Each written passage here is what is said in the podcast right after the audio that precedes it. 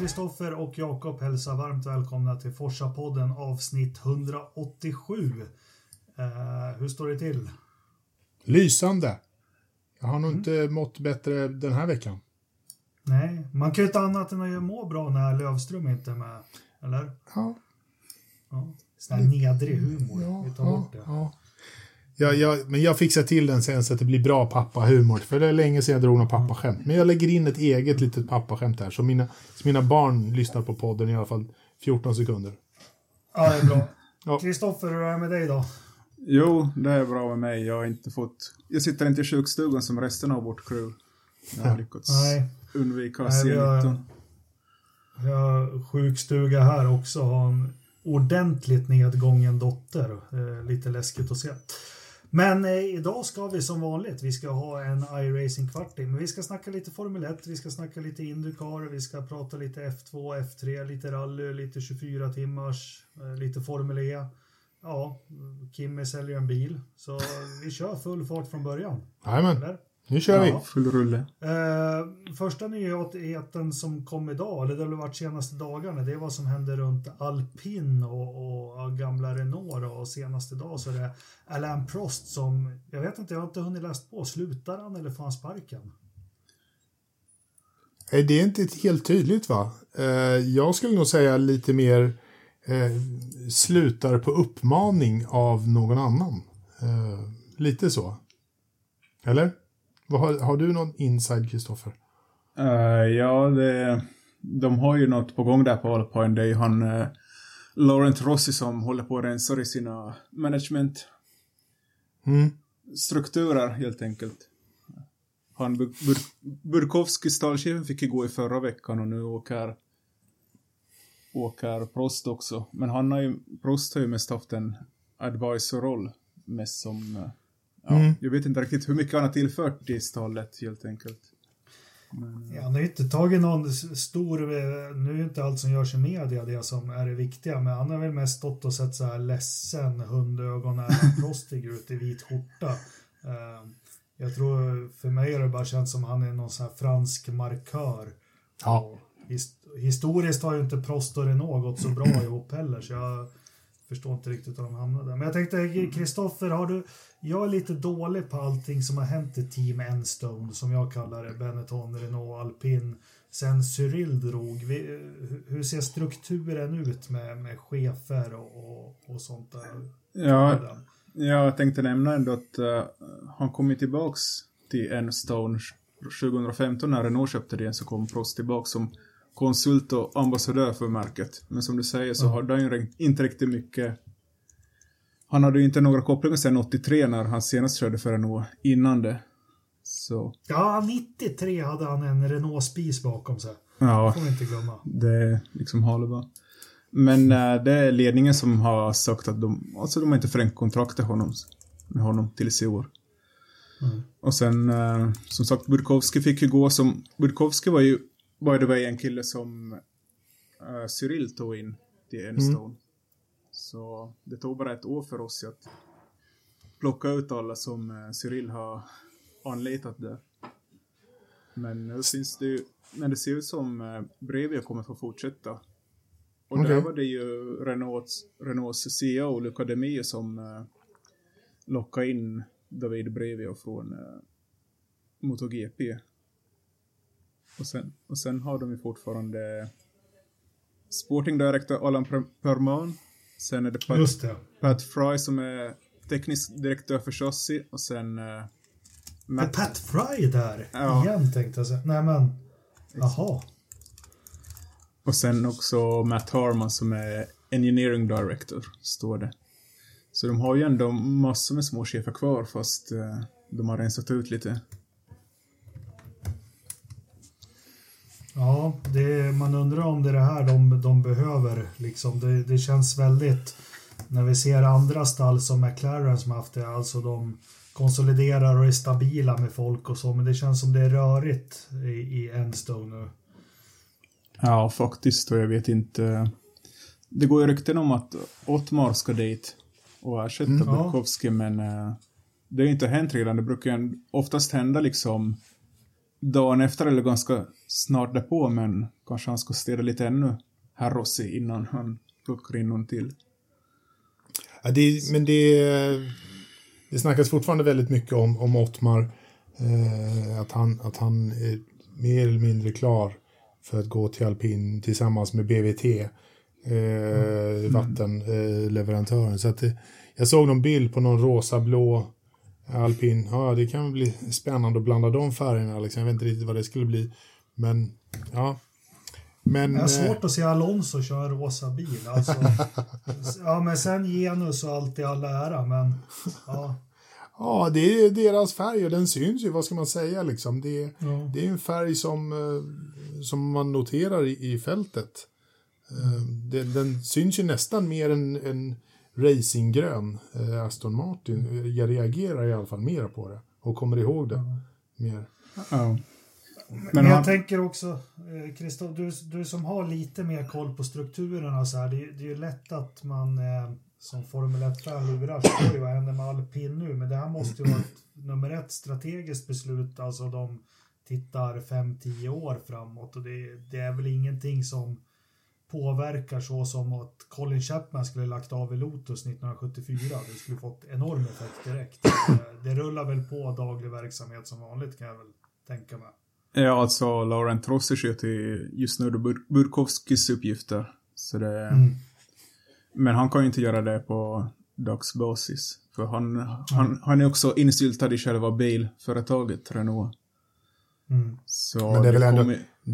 Det är ju ändå aldrig en, en, bra grej att göra det här precis innan säsongen. Liksom. Eh, det, är bättre, ja. det hade varit bättre om det var gjort på andra sidan årsskiftet. Eh, att det var klart ja, jag... till första januari. Så att från, från och med januari så, så kan man fokusera på det nya. Det hade varit liksom en, ja. en bättre, bättre för teamet, tror jag. Jag tänker ännu tidigare med tanke på förra säsongen. Ja, men de tog ju beslut att köra med gammalt chassi och, och var väl inte med om att kriga om några högre platser i konstruktörs-VM. De, de kunde väl sköta det efter sommaren förra året liksom och mm. börja byggt. Men vem är, vem är jag att tycka? Vet ni, vilken vet ni vilken bakgrund Budkowski har innan han kom till Renault eller Alpin? Nej, men dra den. Kan du? Han, är, jobbar, ju, han jobbar ju på, på FIA från 2014 faktiskt och innan det var han ju både hos Ferrari och McLaren. Och, han, och han liksom var ju tänkt att ta över efter Charlie White, Whiting.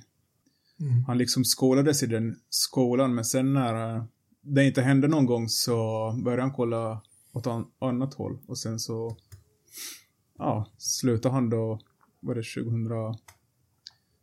2017 tror jag, eller 18 och Renault snappade upp honom. Och sen när Whiting dog mitt, mitt i allt så, så var det liksom AC och Formula E's Race Director Scott Elkins som eh, har blivit uppskolade nu i Charlie Whitings fotspår, men inte lika länge så så det finns en koppling där till om man nu vill ta bort Masi, att Budkowski skulle ta hans position eftersom man har haft ah, den... Eh... Ja men precis, för det är mycket snack om, om Michael Masi, om han... De har ju släppt någon ny eh, organisationsschema för, från FIA och där står inte Michael Masi med. Men, eh, men, det, men det har också förändrats så att han rapporterar numera till en annan person som står med på pappret. Så att eh, man har gömt honom från, eh, från det organisationsschemat. På något eller... litet ställe. Eh, men eh, det kan ju mycket väl vara så att de har en, en liten tanke på att Bukowski ska komma in och köra där. Det hade ju varit... Det, jag, tror att, eh, jag tror att telefonen har ringt. Eh, kanske inte till Bukowski men till andra på, på FIA och pratat om alternativet. Det vore ju ja. konstigt om de inte hade gjort det. Ja, ja. ja där, där har vi något. Jag, jag är ju mest så här frågan till Alain Prost, alltså denna, alltså, försvinner ju lite när man eh, diskuterar bra förare med fyra VM-titlar, för han borde ju vara en klenod i, i, i Frankrike, men fan, han lyckas inget bra som du var inne på när han körde Renault där på början på 80-talet. Det slutade ju tårar och han bråkar med person han drev stall och han, han verkar liksom inte gå hem i sitt egna land på något vis, stackarn. Som är så försynt och allt. ja, jag gillar Ellen Prost. Jag tycker han är...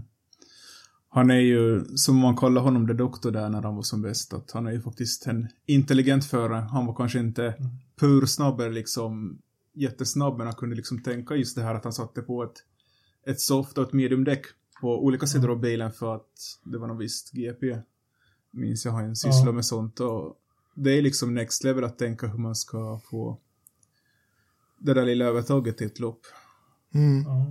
Mm. ja, nej men det blir nya ansikten i, i, i alpin i år och, och som vi var inne på och spekulerat i tidigare i eh, tidigare avsnitt också så har ryktas det om att man får en, en rosa bil och en ny sponsor för BWT. Är det, det är holländskt va, eller? Ja, österrikiskt. Österrike, österrikiskt ja. Eh, ja. Att de flyttar till alpin. Eh, så får vi se. Det har inte kommit någon bekräftelse på det. Nej, inte än. Nej. Men, jag, Nej. men jag tycker inte Tim Enston mår så jättedåligt ändå. De har ju ändå gått framåt. Förstås, nu har de ju kört med samma chassi sen, eh, sen de kom tillbaka till F1 känns det som. Men mm. de har ändå lyckats de har ändå gått upp det här året, liksom för varje år. De liksom tog en podiumplacering, eller två senaste säsongen, på någorlunda merit, lite tur, men ändå. Det finns ju andra som kunde ha tagit deras platser i alla fall, men ändå var de där. De var ju tillräckligt nära för att ta de mm. första och tredje platsen. Ja, men det, det som är också, jag vet vi hade ju Gergej Farkas med oss för några år sedan. Han hade gjort något besök hos där i Enstone också. Men det, det som är lätt att glömma det är hur otroligt stora hål det fanns att stoppa i 2016 när de tog över från, från Lotus. Mm. Uh, det är nog bra många år de bara fått uh, reparera hål och stoppa in pengar i och, och, och, och, få allting att fungera. För det teamet var ju ordentligt skuldsatt och underfinansierat och eftersatt. Uh, så ja. ja. men jag har ju sagt, jag har ju trott på Renault Alpin nu i flera år och ja, får se om de får till det här. Om jag, eh, om jag skulle vinna lite pengar och skulle satsa en slant på att Alonso vinner VM. Vad tror ni om det? ja. ja. 2022 eller, eller 2027? Ja, 22, sen slutar han. Ja, jag tror han kör ett år till, men vi får se. Ja. Kanske, ja. men inte så mycket mer. Ja. Men vi, stä vi stänger den blåa franska dörren då och så öppnar vi den gröna brittiska dörren. För det, det händer väl saker i Aston Martin, Kristoffer?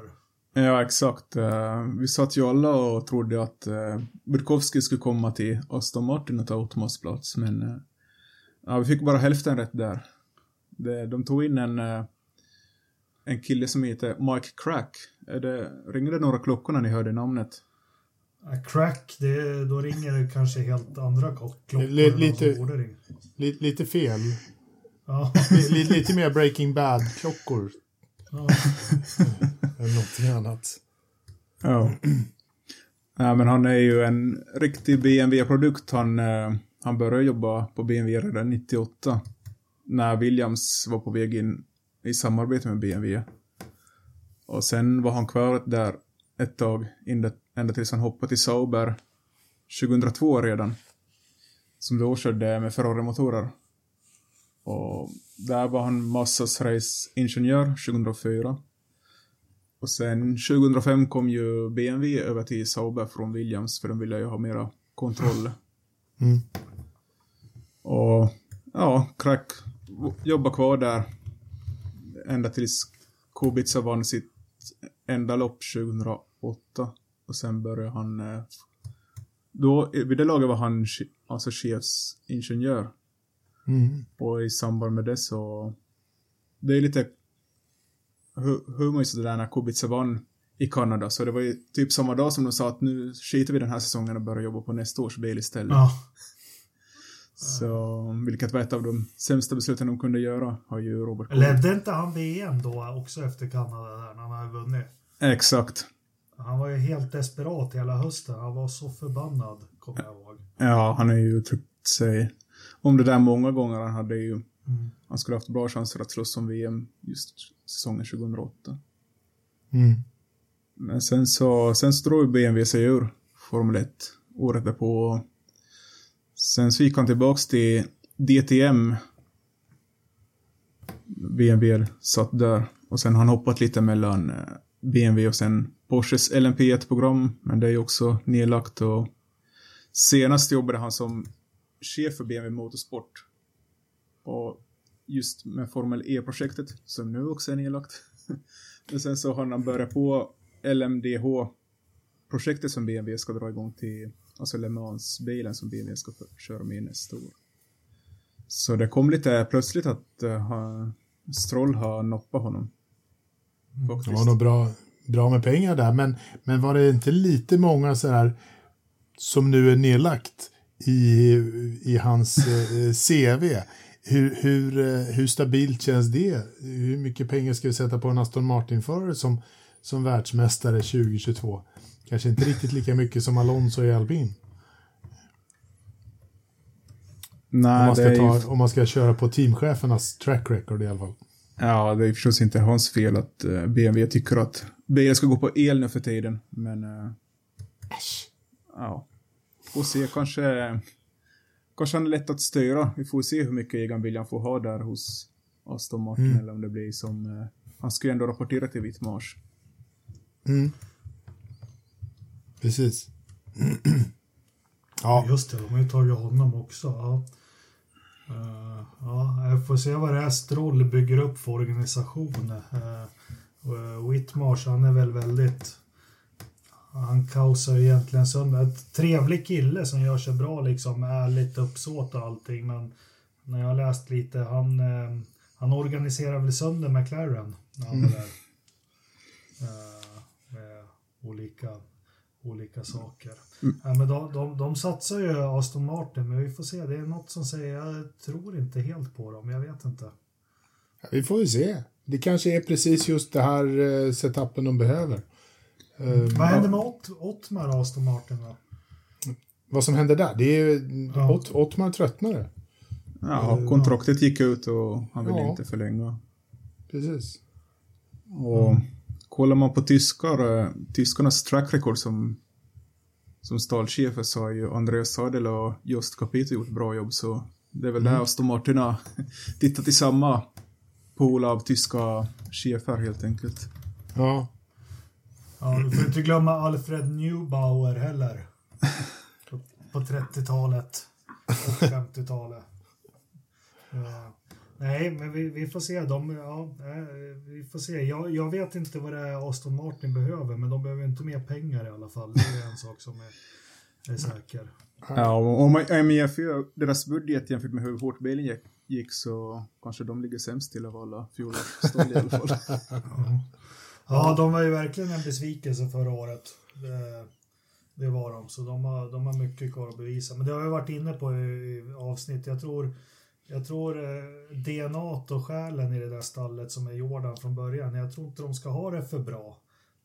Jag tror de mister mycket kreativitet då. Det är någonting som säger med det. Eh, de har ju alltid varit duktiga med små medel. Mm. Så heter Jordan eller Spiker eller Midland eller eh, Force India och vad heter de på slutet? Racing Point. Så nej, vi får se. Ja. Aston Martin har ju fått en ny uh, CFO också. Som heter uh, Doug Lafferty. Mm.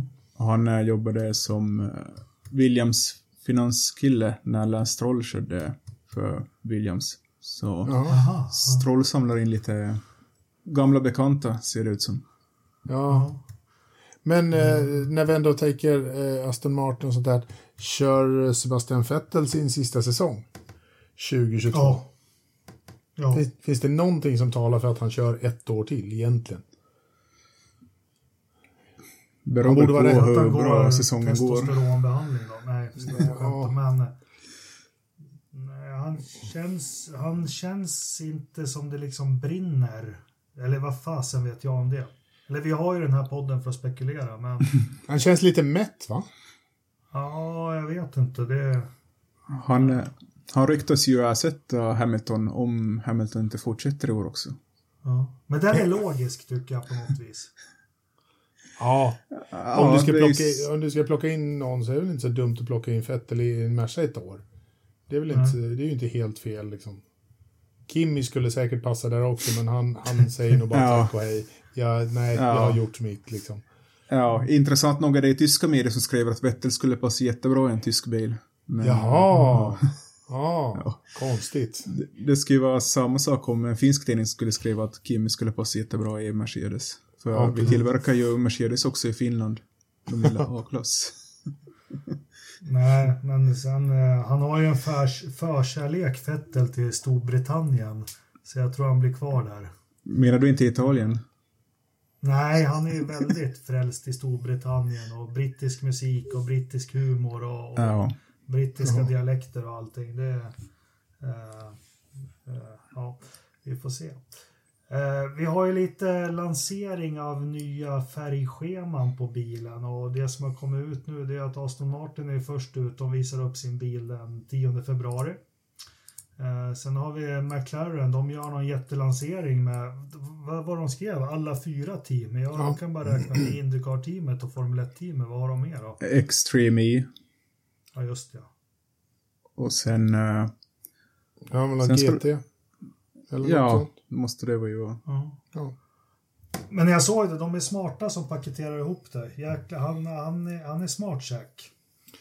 ja, ja. Gud ja, han är, han är bra på Ja. det där. Han får några jänkare som gillar kart och kollar på en Formel 1-lansering. Han får lite Formel 1-freaks och kolla en kartlansering. Eller Indycar kanske heter och, och tvärtom. Så, ja. Mm. eh, sen har vi Ferrari 17 februari som visar upp. Skulle de ha ett nytt livery eller? Ja, Santander kommer ju in med sin sponsorering igen. Så det kanske kommer lite vitt igen. Exakt. Men Just det. Mi- Mission Winnow skulle ju försvinna. I alla fall. Ja, vad synd. Ja, jag- vi kommer att sakna det något ofantligt. ja. Eh, sen har vi inga mer datum va? Men eh, Nej. det handlar ju mest om eh, liksom sponsorer som får visa upp sig, de här lanseringarna. De visar ju aldrig den riktiga bilen. Så jag tror ju många kommer köra på den här F1s egna chassi och smätta på sina egna sponsorer och färger bara. Ja. Ja. Ja, ja, det har ju blivit annorlunda det här med lanseringar mot det var för 20-25 år sedan med Spice Girls och allt möjligt. Men det är alltid kul, det piggar ju upp att få se lite bilar oavsett. Ja, Ja. det är alltid roligt. Ja, och det är inte långt kvar, det är bara 20-25 dagar kvar tills det är igång igen. Det är helt ofattbart. Ja. Ja.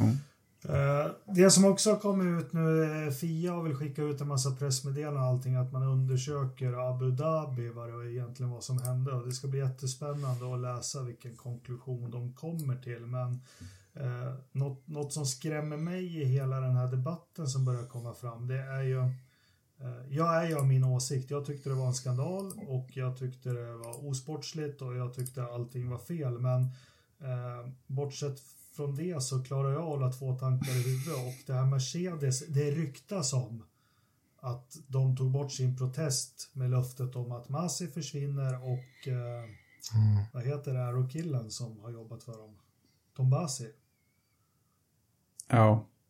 ska bort. Då eh, eh, och då börjar vi gå lite åt fel håll eller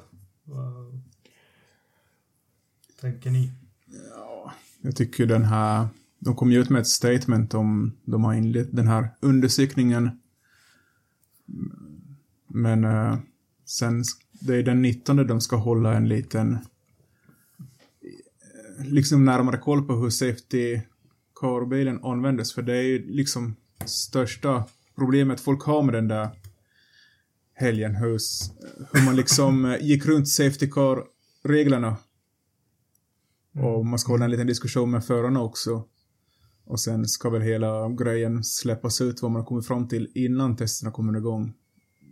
4 Exakt. februari tror jag var första datumet. Så det finns ju lite tid att... Men äh, jag tycker Var det mest... till och med i mars? Var det inte till och med i mars innan första loppet? Ja, det kan vara. Att det ska vara någonting. Men det jag tyckte var mest intressant när jag läste idag att, eh, att Masi hade sa, sagt i diskussionerna med domarna i Abu Dhabi att, eh, att man har kommit överens om tidigare under säsongen mellan stallcheferna eller mellan stallen att när det är möjligt så ska man alltid försöka avsluta loppet under grön flagg och inte under safety car. Och det var det som Massi gjorde också. Jag vet inte om ni har hört det här tidigare, men... eh, Jo, jag känner igen den diskussionen. Ja, och det, men, men allt sånt måste ju också i, i den här, jag ska inte kalla det härvan, men sådana som för mig som tycker det är en skandal, de måste, sånt måste upp på bordet. Eh, det måste liksom, ja men det här datumet, det här mötet och så har ni det här och det här och då, då, då, då blir det inte en lika stor skandal för mig utan jag, jag bedömer det som Formel 1-fan utifrån det jag vet och jag har inte sett de här sådana här möten. Och, eh, men, men det man kan säga, att man stod väl inte riktigt pall för, för, för pressen under de där sista varven. Men det har vi ju pratat jättemycket om. Ja, men det är ju... Men-. Men det här med att eh, Mercedes ska, eh, ska diktera eh, villkoren för vem som, vem som eh, sitter i, i den där rollen. Det kändes ju inte helt liksom eh, rätt och riktigt. Så. Det skrämmer mig. Ja, alltså det, det är inte, det är inte en, en bra väg att vandra om vi ska dra den vägen i, i längden.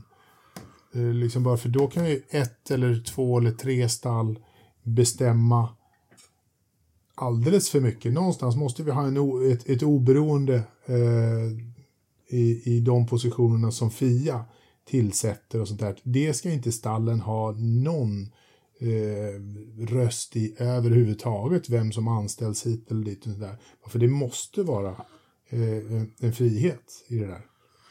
Men, men det är ju precis som du säger, ja, det, det är en skillnad på inom sport och kanske sätta press på officials eller domare eller vad som Alltså sätta lite press och, och, och på dem och så. Men att på det här sättet diktera någon slags villkor gör det jäkligt otäckt tycker jag. Du kan klaga Ja. på domaren om du är fotbollslag och säga att vi vill inte att Sven dömer nästa match. Men du kan inte säga att vi kommer inte att spela om Sven dömer. Nej, precis. Då ska, då ska förbundet vara så starkt och säga men kom inte att spela då. Ja, exakt. Ja, exakt. Eh, så det blir lite NATO och Ryssland där på något vis. Det, Ja. eh, men då, då har man liksom Toto och grabbarna, de ja, jag vet inte om de har gått på myten om sig själva som viktigt stall eller något sånt. Eh, jag läste i alla fall att de, eh, Mercedes förnekade här att de skulle ha ställt några krav på FIA, så jag tror det, det var BBC som skrev det här och sen har Mercedes förnekat hela grejen, så eh, som ni säger, jag tror också att det är lite svårt att något stall ska börja diktera, för om och är ju ingen, han är ingen domare, han är race director alltså, jag kommer inte på det svenska ordet nu, men det är ju liksom bara en, en snubbe som ska finnas där och se till att ja, liksom tävlingarna utförs på rätt premisser enligt det som står. Men han är ju ingen som dömer. Så jag förstår inte, det är ju inte som att uh, sparka en domare, om man säger så, utan det är mer en, en väldigt viktig funktion han fyller. Så. Mm. Sen så största kritiken kom ju också mot hur han eh, hur han reagerar mot uh, Toto Wolf när han sitter på radion och låter No Mikey no, that was so not right. Men det är liksom den kommunikationen ska ju ett inte sändas ut och för det andra så ska det inte gå liksom att gå och klaga till den som arrangerar loppet att det här var fel. Jag tycker det är lite skämmande att dels att det finns möjligheten och dels att eh, det sänds ut i så att alla kan höra det också, Ja. alla som tittar. Ja, det- det är bra när de, eh, jag är det att det är bra att det sänds ut när det förekommer men det ska inte förekomma. Ja. Det ska inte finnas en radiokanal upp dit under racet. Det är ju där felet är. Ja. Ja. Eh, Sen så finns det säkert jättemycket vi Formel 1-fans som händer bakom stängda dörrar och sånt som inte vi vet om. Men det, ja, eh, det blir spännande att följa vad de kommer till i den här, i den här utredningen i alla fall. Ska, vi, ska vi fortsätta vara en vadslagning och säga 100 spänn på att du inte kommer fram till någonting? Nej, det kommer väl något sånt här jävla icke-svar. Ja. En jättelång utrad, eh, utredning med jättemycket bokstäver i. Ja, ja, För- jättemånga, jättemånga sidor, så här 300 sidor av ingenting kommer det bli. Ja, för Tyvärr. jag har ju för jag har ju en historia av att liksom göra egna överenskommelser just som med Ferrari när de hade fuskat med motorn och Ja, liksom vi har kommit överens om en grej, men vi, vi, vi säger inte vad vi kom överens om eller vad, vem som gjort fel eller. Exakt. Så det, Ja. det är lite suspekt. Men, eh, Det som... Spelar det de mot dem nu? Det är jäkligt svårt att de ska hävda att de är supertransparenta nu helt plötsligt när det finns som jag säger, jag kan tänka mig Mercedes, en sån Ferrari-motorn och sånt, de är säkert inte helt nöjda med, med det beslutet för några år sedan. Nej, exakt. Uh, ja, men det, det är lite vi vet i alla fall. Ja. Men, men, men, men, det som hänger ihop med det här, det är ju, det är ju Lewis Hamiltons vara eller icke vara, eller om man ska dra det. Uh, uh, när man läser media och så, så låter ju de det som låter oss förstå att Lewis nästa eller det här årets köra eller icke köra har bäring på vad Fia kommer fram till. Men det tror inte jag ett skit på. Nej, det är nog bara de vill ha något att skriva om nu när det är lågsäsong. Mm. Och, men jag tror nog Hamilton kör. Det känns som att varför skulle han liksom ta ett beslut baserat på vad, vad Fia kommer fram till? Det känns lite långsiktigt som att eh, Hamilton ska vara lika stor som Fia eller på något sätt liksom ligga över hela Formel 1. Nej, men ändå, ja, men ändå liksom så här, han... Eh, han, han, om vi sätter oss i, i Lewis Hamiltons, drar på oss hans eh, morgontofflor en, en kort sväng. Och så tänker man så här att det, jag hade min åttonde VM-titel, den var klar. Eh, ni snodde den ifrån mig eh, på ett sätt som var regelvidrigt. Eh, om, man, om man sitter så och tänker så här, ja, eh, jag har fan sju VM-titlar. Jag skulle ha åtta. Om ni, era beep, inte fattar att ni har gjort fel, om ni kommer med ett, ett jädra eh, icke-svar och nonsens-tjat, då skiter jag i det här. Då kommer jag ta mina 100 miljoner, 200 miljoner eh, följare på, på Instagram och dra. Så får ni fan klara er utan mig. För jag har, jag har dragit den här cirkusen ett par extra varv eh, själv. Så att då får ni fan klara er utan mig. Och sen drar han. Han har ju full rätt att göra det och varför skulle han inte tänka så egentligen? Jag har tänkt mycket på det och, och jag är inne på samma spår men kanske inte som du. Jag, jag tror ju att, och, och tack Kristoffer för den här P3 ID-dokumentären mm. som du tipsade om. Eh, helt otroligt att lyssna på en svensk dokumentär som handlar om F1-förare där jag i alla fall som tycker att jag konsumerar mesta fick lite ny fakta om Lewis Hamilton. Eh, om hans uppväxt och det här att han var nära att religeras från skolan och ja. Mm. Eh, skit i samma, jag är inne på samma spår som du. Jag tror att Lewis Hamilton i mångt och mycket är en känslomässig eh, människa. Eh, eh, jag kan inte sätta mig in i hur, hur en hjärna på någon som har vunnit världens tuffaste mästerskap sju gånger och bara vill ha mer och mer fungerar. Eh, jag tror han känner att lite som sin idol Senna kände efter Japan 89 att det är ingen idé att hålla på. Mm, exakt. Uh, hur ska jag motivera mig? Sen kanske inte det är personligt mot Fia eller Masi utan uh, mer en känsla. För vi får aldrig glömma vilket jäkla lopp han gjorde i sista racet, Lewis Hamilton. Han var ju helt överlägsen. Ja, och, och, och hur fan när man är 30, vad är han nu, 37 ska han fylla i år. Mm. Ja, säkert. Hur, hur, ska han motivera sig och, och, och det är det liksom. Ja, men det... Hittar, ja, absolut. När, när, han känner att det spelar ingen roll vad jag gör. Eller, ja. Nej, men precis. Så att, ja, men sen är det ju också att väldigt mycket av, av Formel 1 har ju kretsat kring Lewis Hamilton i tre, fyra, fem år eh, bakåt. Han har dragit karusellen. Och han har dragit mm. den ganska hårt själv och, och gjort det utan utan att gnälla, utan att sådär liksom. Och sen när han verkligen liksom ska stå på den absoluta toppen eh, av, av sin lysande karriär så drar de mattan i sista sekunden. Så bara de förstör allting. Och då förstår jag att han är desillusionerad som de säger. Liksom. Jag förstår att han tycker att det här var fan så jobbigt. Så varför ska han ska... dra Formel 1 ett år till liksom, med sitt namn? Mm. Varför man, man, man, man promotar inte ett lopp utan att ha Lewis Hamilton ganska långt fram på, på affischerna. Liksom. Såklart. Uh, men, ja, Kristoff. Uh, jag, jag tror fortfarande att uh, visst, han är en stor profil att tappa, men att jag tror nog F1 ändå ska överleva, för man får... Jag tror man ska inte låta en, en förare bli större än själva sporten, då har man kanske tappat lite av sportens identitet.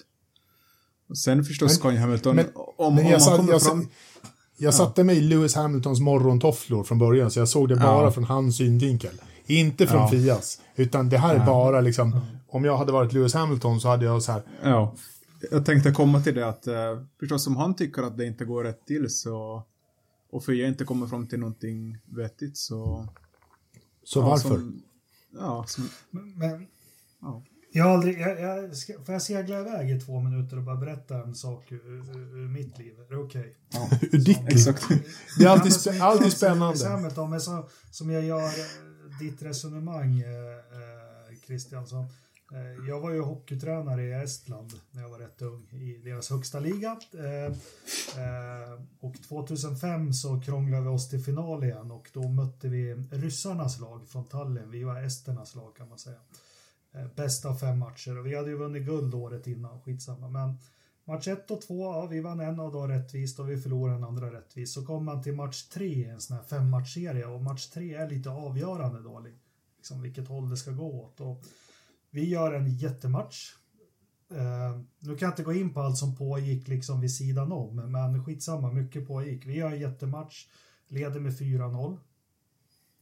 Eh, hela sista perioden spelar vi med en eller två man mindre. Ja. Vad vi än, liksom, vad, vad vi än gör, en eller två man mindre. Så det blir 4-4, det blir sudden death. Eh, har jätteövertag där. Eh, skjuter i ribban och sånt. Eh, så det går till straffar.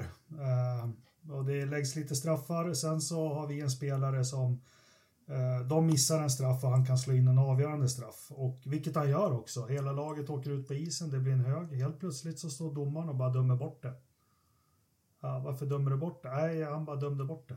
Mm. Och så bara fortsatte tills det andra laget vann. Och den hopplösheten som jag som ledare av mitt lag kände liksom att spela match 4 av 5.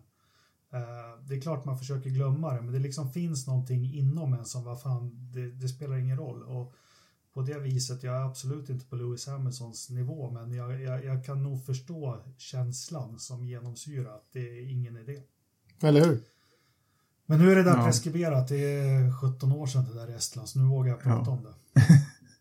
Det är bra. Det, vi talar om lite KBT och shit. Ja, men han som var ordförande i förbundet, han sitter i fängelse nu. För, ja, det är så, Ja, ja. Ja, När, du berättade det där så började jag tänka på när Finland och Ryssland spelade hockeyfinal i Vitryssland 2014. Och det var Ja. liksom helt omöjligt för finnarna att vinna för domarna dömde bara till ryssarnas fördel. Och där kunde de finska spelarna känna samma sak som Lewis Hamilton också kände i Abu Dhabi. Kan jag tänka mig. ja. Nej, men det, det är svårt. Vi får väl se. Han, någon gång måste han ju, eller han kanske, han kanske åkte till Indien och meditera och kommer bo där i hela livet. Kanske aldrig mer hör något från Hamilton. Ingen aning. Men vi var, in, vi var inne på att i början av podden, vi, vi spekulerar att det, det blir ingen mer körning.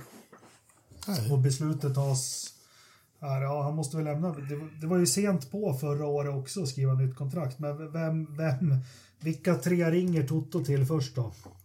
Ja. Börja med dig Christian. Vilka Ja. tre samtal ringer han? Eh, eh, eh, Fettel, Kimmy, eh, jag vet inte. Man ringer inte Jenson Button längre, gör man det? Ja, det är väl som att ringa Nigel Mansell. Ja, men nästan, eller hur? Ja, fast, nej, fast Jenson Button är väl ändå ganska så här. Eh, eh, The Dansk hade varit roligt. Det är jävligt tveksamt. Vi, vi, vilka tre tror du att han ringer till då? Ja, ska jag säga vilka jag tror eller vilka jag vill att han ringer? Vi börjar med vilka du tror då. Uh, Heikki Kovalainen. Eller hur? nej, han har ju lagt hjälmen på hyllan. Heikki ska ju börja på Viaplay nu också. Tillsammans Ja, i med, fin- ja, just det. med en massa andra F1-stjärnor som... Mik- Micke Häkkinen såg jag. Ja, men jag tror... eh, det beror... Det beror lite på vem man får loss lite som är... Vilka kontrakt som sitter löst så att säga, som när man tog in Bottas. Men... Uh, Vettel kanske ligger löst ändå. Jag vet inte hur starka hans papper är. Sen så kanske Norris eller Ocon. Det är väl de tre som jag skulle se som kanske mest troliga ändå. Vilka vill du att han ringer till då? Uh, Verstappen, eller, eller Leclerc, eller Alonso. Nor Norris, Norris skulle ju vara spännande, men jag tror att de skulle vilja ha någon med lite mer erfarenhet i, i den bilen. Mm. Så att, alltså, Ja. Romain Grosjean skulle ju vara spännande att ge, ge honom lite mera eh, lite mera Formel 1-tid. Ja, jag vet inte riktigt hur, hur Lewis leder det där teamet. Jag tror inte han är... Eller jag tror ingenting, men eh, jag kan väl tänka mig om han skulle lägga av. Det skulle vara naturligt Vettel eller Alonso liksom på ett ettårskontrakt. och Ja. På något vis eh, föra över det. Men sen, eh, du, du sa ju det, han har ju en soft spot för Ocon. Mm. Ja, eh, han, Toto. eh, Och slagits för honom förut. Så man vet inte. Men Ocon och Russell leda Mercedes med nytt reglement och allting. Det känns sådär va, eller? det kommer bli hur bra som helst. Ja. Bottas kommer säkert tillbaka. Ja. Ja, Eh, eh, ja, vi, vi får se, men han lär ju, han lär ju komma ut under, under sin sten snart, Lewis, och berätta vad han vill göra och inte göra. jag tror ju Bottas, eller kanske de vill ha Bottas tillbaka, men jag tror Bottas är lite låst nu när han lämnat Mercedes-familjen och knutit upp sig till Alfa Romeo med Ferrari-motorer. Ja. Ja. Jag tror inte att han skulle så här, säga tveka väldigt länge på att få ytterligare ett år i Mercedes utan Lewis den här gången. Tror inte att han skulle hoppa på den chansen. Sainz då? Ja, det är su- superföraren som kan köra vilken bil som helst. Eller hur? Stoffel? Nej, tyvärr. Ja, hur är det med Mercedes Formula E-förarna? De är ju, de kör ju sin sista Formel E-säsong med Mercedes, så De Vries och Van Dorn måste hitta nya grejer att göra. Men det, det man får tänka på, jag tror ju, jag tror ju alla de här ni har nämnt namn nu. Eh, alltså McLaren och, och Zac Brown, han är nog sugen att göra en deal. Eh, och släppa Ricciardo eller Norris om han får rätt pengar. Han vill ju inte släppa Ja. Norris. Ricciardo kan han nog absolut tänka sig att släppa efter det här året. Men jag tror inte Mercedes dra vill lite ha på mot, motor, motornotan till McLaren eller något sånt. typ hela. Ja. Ja, vi får se. Mm. Ja, det blir spännande att se. Men jag tänkte, vi var inne på att, jag vet inte om ni pratade om det förra veckan, men eh, det här nya tv-avtalet med, med Först skakade jag bara av mig med, vad heter de, Nents Group via Play Ja, Nederländerna. Och jag såg att det var massa skriverier, men sen jag sket i det liksom. Men vad fan, de har ju verkligen köpt Max Verstappen. Äh, de har ju bara Ah. köpt äh, rättigheten att få typ första intervju efter lopp och lite behind the scenes material. Fast är det här också, är det här någon väg vi vill gå då? Nå, Fast den här vägen finns- har vi gått ganska länge. Ja, det var ju redan... Ja, äh, man med- köper väl rättigheterna till, till inte till så här specifika idrottsmän. Det fan kan inte jag dra Jo. till minnes. Redan när Schumacher körde så brukade tyska tv-bolag köpa liksom Ching på att få första intervju med Schumi efter ja. loppen. Så Ja. det finns lite som Sky Sports i England har ju första Ching på brittiska förare och i Finland har De vi och i Finland har vi lite mer närmare relation till finländarna. De vill ju inte ha betalt för det, de ställer upp i alla fall för finska språket men eh, Ja, men då gör jag ingen höna av den fjädern då. Nej. Nej, vi har tyckt vi avhandlade det där lite förra veckan. Att, eh, Ja. ja, jag tror de bara vill... Jag fattar inte hur de har nämnt så de har pengar och liksom konkurrera med F1-TV. Jag får inte ihop det här på sikt liksom hur... Ja, men vi, vi får se vad som händer. Starka ägare. Ja, vilka är det som äger Nents?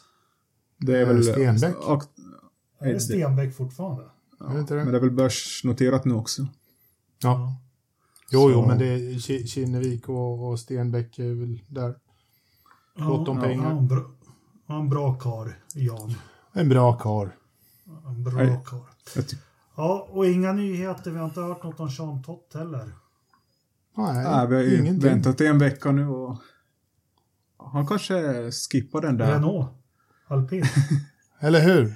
Han, han blir ny Alan Prost. Det, fanns ju, det blir ju en lucka där nu. Vi måste ha, Ja. ha en ny fransman på, på galjonen. Ja. Ja, men som jag sa förra veckan, jag har svårt att se liksom vad de här gamla legenderna har att tillföra mer än att, att de är ett namn som förknippas till ett stall. Liksom vad, vad kan Sean Tott, han börjar väl närma sig 80 år eller någonting, vad kan han Ja. liksom göra hos Ferrari? Ja, men det är som du säger, det är därför jag bara reagerade när du sa jag har inget emot honom, Pat Fry är Enstone liksom. När du sa det, jag tänkte fan det är, det är samma folk i Formel 1 som ska vara högteknologiskt som bara, de bara surrar runt de Ja, senaste 25 åren. Det är samma människor hela tiden. Jag vill, jag vill ha en ny Adrian Newey eller en, Mm. ja. ja det behövs ju någon gång. Det är lite, Ja. det är ju samma med, de, Ferrari tog in han Rory Byrne också som var Mm. som var med under de där underåren, men det, det var ju mest att de annonserade honom, sen mitt i allt så försvann han lite tyst. Att det, Mm. Han gjorde väl inte så mycket. Nej, han satt väl där i Thailand när han sitter och fiskar och så konsultar han väl lite. Men jag tror Ja. det, det var bara en sån här markör i namnet. Det finns väl en nostalgi med Sean Tott och, och alla de här i Ferrari och de har uppnått. Får se när de tar in Ron Dennis i, i McLaren igen. Ja, tjena. Det kommer ju ske. Ja. Ja. Nej.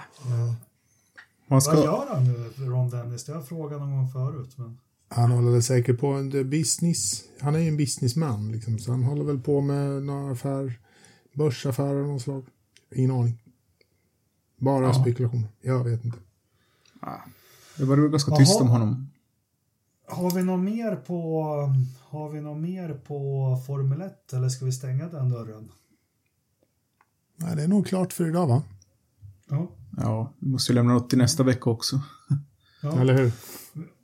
Vi har lite Indy, fan de behöver bli vassare mellan, de har ju så långt säsongsuppehåll också. Det tycker att de skulle behöva mat, mata ut lite mer grejer från Indycar och stallen där, men eh, så man håller intresset. Men eh, det som har kommit nu, det är bland annat Montoya, han ger sig på Indy 500 igen.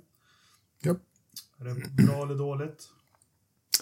Det är väl blandat. Eh, Det är erfarenhet till Arrow McLaren SP, men eh, Mm. jag vet inte, jag ska inte säga att någon, någon, någon vinnarkandidat är det inte, för, för Spindelmannen gick ju och vann förra året, så det, det är liksom, Ja. fan, jag trodde inte att han skulle, att Helio skulle vinna en fjärde gång, men så att eh, Montoya kanske vinner igen han också.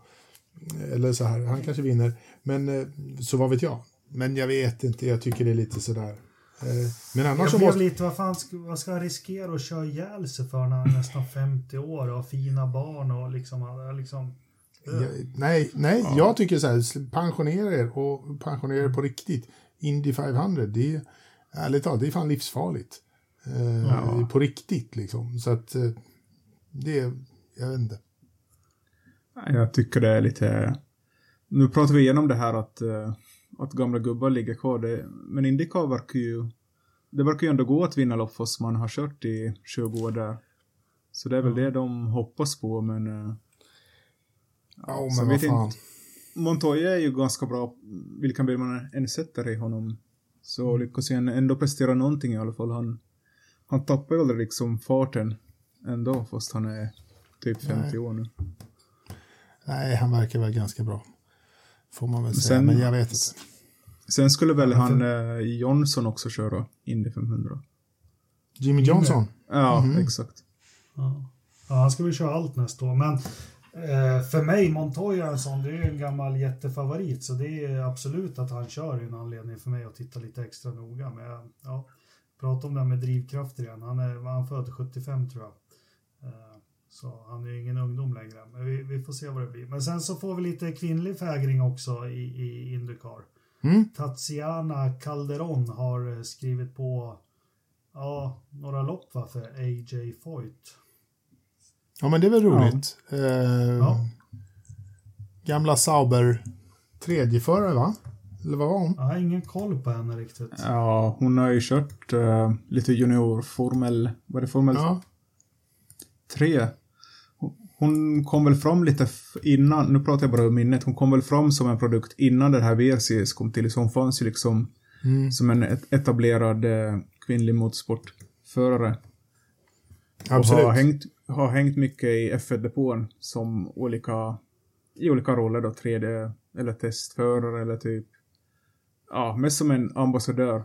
Det är ju det här, man vill ju få in mera kvinnor i sporten och det är ju lätt att har man en som är bra på liksom bra på att marknadsföra sig så signar de gärna upp henne. Och kanske det, det är det det handlar om nu också för det här stallet som har signat med henne. Att man vill få in en, en kvinnlig ambassadör. Jag vet inte men uh, jag kan Jag tror, att, gissa. jag, jag tror att hon kan köra bil. Jag tror att hon kan köra bil rätt bra. Sen är det ju faktiskt lite grann av, det har nästan blivit en liten trend med, med tjejer i Indycar, för de hade ju ett helt kvinnligt Indy-team förra året.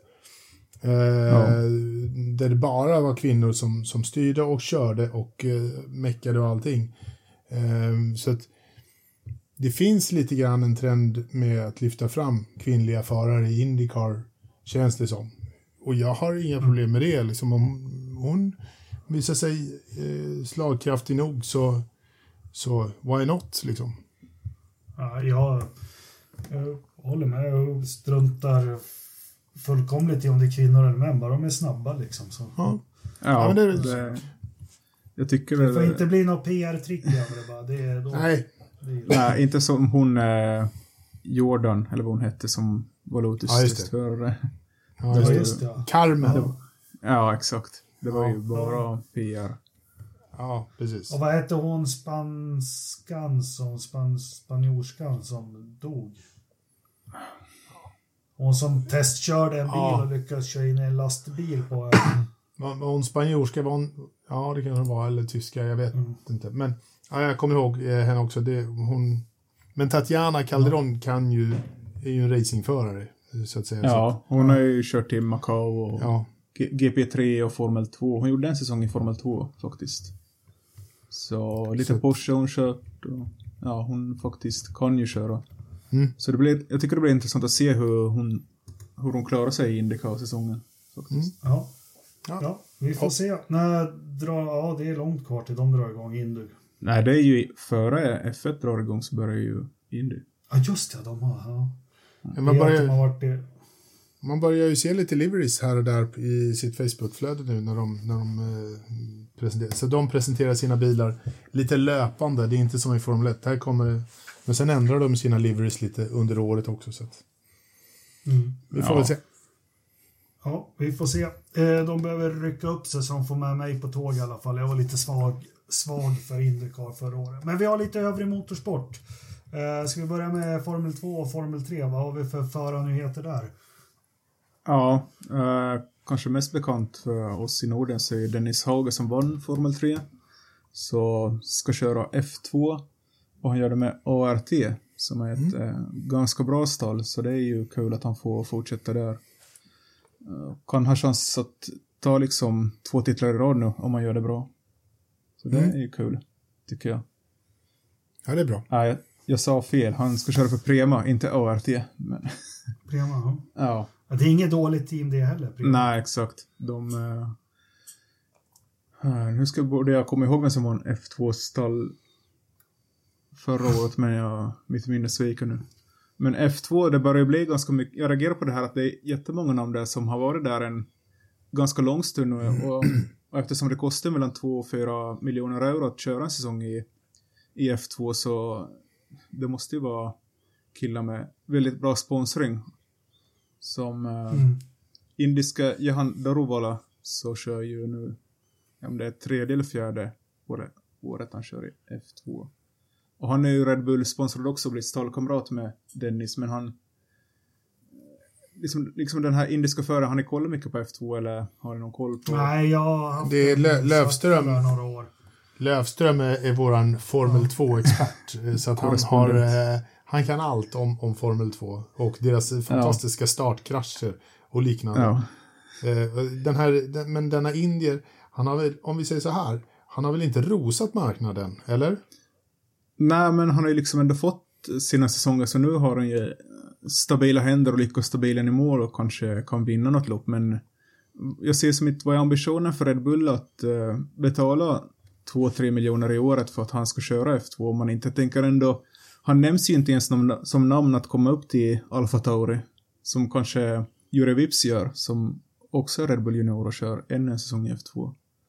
Mm. Så ser ni liksom vad är grejen med att ha...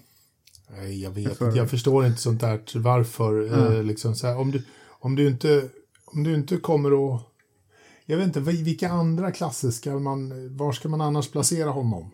Eh, du känner väl säkert någon form av ansvar att du ska placera eh, den här eh, ungdomen någonstans eh, i, för att ge honom en karriär. Men, men vart ska han ta vägen? Formel 1 känns ju helt kört för, eh, för honom. Han är inte Ja, ens exakt. nära vad det verkar.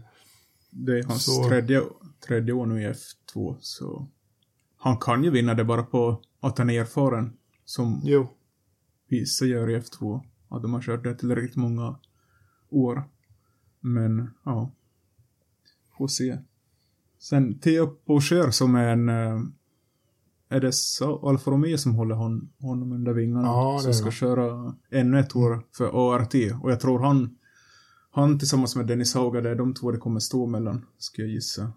Med kanske någon... Eh, outsider. vann, vann, inte- vann inte han i Monaco?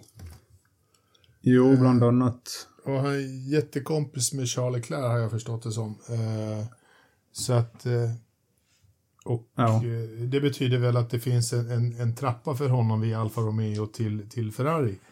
Eh, om, om Monaco ska få bestämma. Men han verkar Ja. ju en enormt eh, talangfull. Ja, faktiskt. Han var ju bästa rookie förra året. Så, att Så han, han hans framtid ser ju klart ljusare ut. Ja. Och sen det här att Red Bull har liksom fem förare i Formel 2 är ganska intressant. Som jag nämnde, det är de två, sen Jure Vips och sen Liam Lawson fortsätter vara Red Bull-förare. Plus en japansk Oyumo Iwasa, får ursäkta uttalet där om det är fel, men som körde bara ett år i Formel 3 innan han kom till Formel 2. Så de fortsätter att backa japaner, Red Bull. Som, det var väl avtalet när Honda drog sig ur F1 att de skulle fortsätta hjälpa japanska förare upp, upp till Ja. Formel 1. Och Honda, Honda har ju också sagt att de ska fortsätta och, och backa eh, Red Bull. Lite Ja. mer än, än vad det kanske lät från början. Och nu Exakt. var, det- vad var det man hörde liksom en, en eh, chef som sa att ja, men jag kan inte se Formel 1 utan Honda i framtiden. Man bara ja, ja, ja okej, men eh, bestämmer. Någon jäkla gång får ni fan ta och bestämma er. Ska ni vara med eller inte? Liksom. Hoppa fram och tillbaka verkar ni vara bra på, men kan inte bara lägga ner där och köra? Eller skita i det, liksom. Ja. Sen på tal om F2 så har vi den här som kommer via e-sporten, simracen, turkiska Sem Bolukbashi. Uh, ursäkta uttalet där igen, men eh, det är ganska intressant att man tar in en simförare till Formel 2. Det börjar ju närma sig att en, eh, en datakille kan Så gå pass? direkt från datorn till eh, Formel 1. Men alltså inte, ja, han hoppade över Formel 3. Ja, så har jag förstått det. Ja, han körde inte Formel 3, han körde lite Formel 3 Asien en säsong. Ja, Och sen liksom, och sen det här Euroformula Open som det finns. Och där var han ändå helt okej faktiskt. Han tog några pallplatser och kom femma totalt. Så, så det Ja, blir intressant att se, blir intressant att se en simförare tävla mot Mm. riktiga, inom citat, riktiga förare i Formel 2. Jag minns, man gjorde det här i Le Mans en gång. Det finns ju en dokumentär på Prime Video om det här. Där Nissan hade ett stall med bara simförare som... Eller var Jaha. det en kille som eh, satte hem och spelade Gran Turismo och sen mitt i allt fick han köra Le Mans för att han var så jäkla duktig. ja tjena. Ja, Ja, så... Sen så kan vi nämna i F3 nu så Arthur Leclerc kommer till F3. Och det namnet känner vi igen. Ja. Jajamän. Det Ja, efternamnet, eh, efternamnet eh, ställer ju lite krav också. Lite förväntningar finns ju här nu. Ja, men han kör för Prema så det, det borde gå bra. De ligger bra till i Formel 3 i alla fall. Vi måste säga det också när vi ändå pratar simracing och sånt där så att eh, vi har en iRacing-karting i slutet av dagens podd också. Så att eh, Lövström och Brohede, firma Lövström Brohede kommer att återkomma lite senare, om en stund. Mm. Ja. Ser vi fram emot. Sen- Eh, hade, vi något, hade vi något mer på F3 där? Ja, jag kan nämna F4 så har vi en faktiskt svensk för eh, 14-åring Arvid Lindblad som Mm. kommer köra Formel 4 för Van Amersfoort Racing. Alltså, så länge han är liksom gammal att få en licens. Egentligen får man ju licensen när man fyller 15 för formelbil. Och han är Red Bull-backad, men de verkar ju tro på honom så det är ju kul att en, en ny svensk får lite backning från någon som faktiskt har pengar. Eller hur? Mm. De som verkar, verkar vara intresserade av att, att, att lägga dem på formelracing också, om de lägger fyra säsonger Ja. på. Sen är F4 en jäkla konstig klass också, men det kanske inte hör till. Nej, Det hör väl inte, till.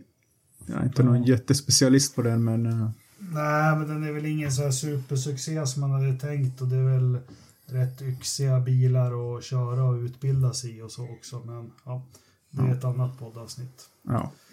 Eh, hur, hur gick det i Dakar då? Har vi någon sammanfattning där främst för eh, svenskt deltagande? Vi hade ju lite delsegrar där, Mattias Ekström och så, men hur, hur, hur slutade det?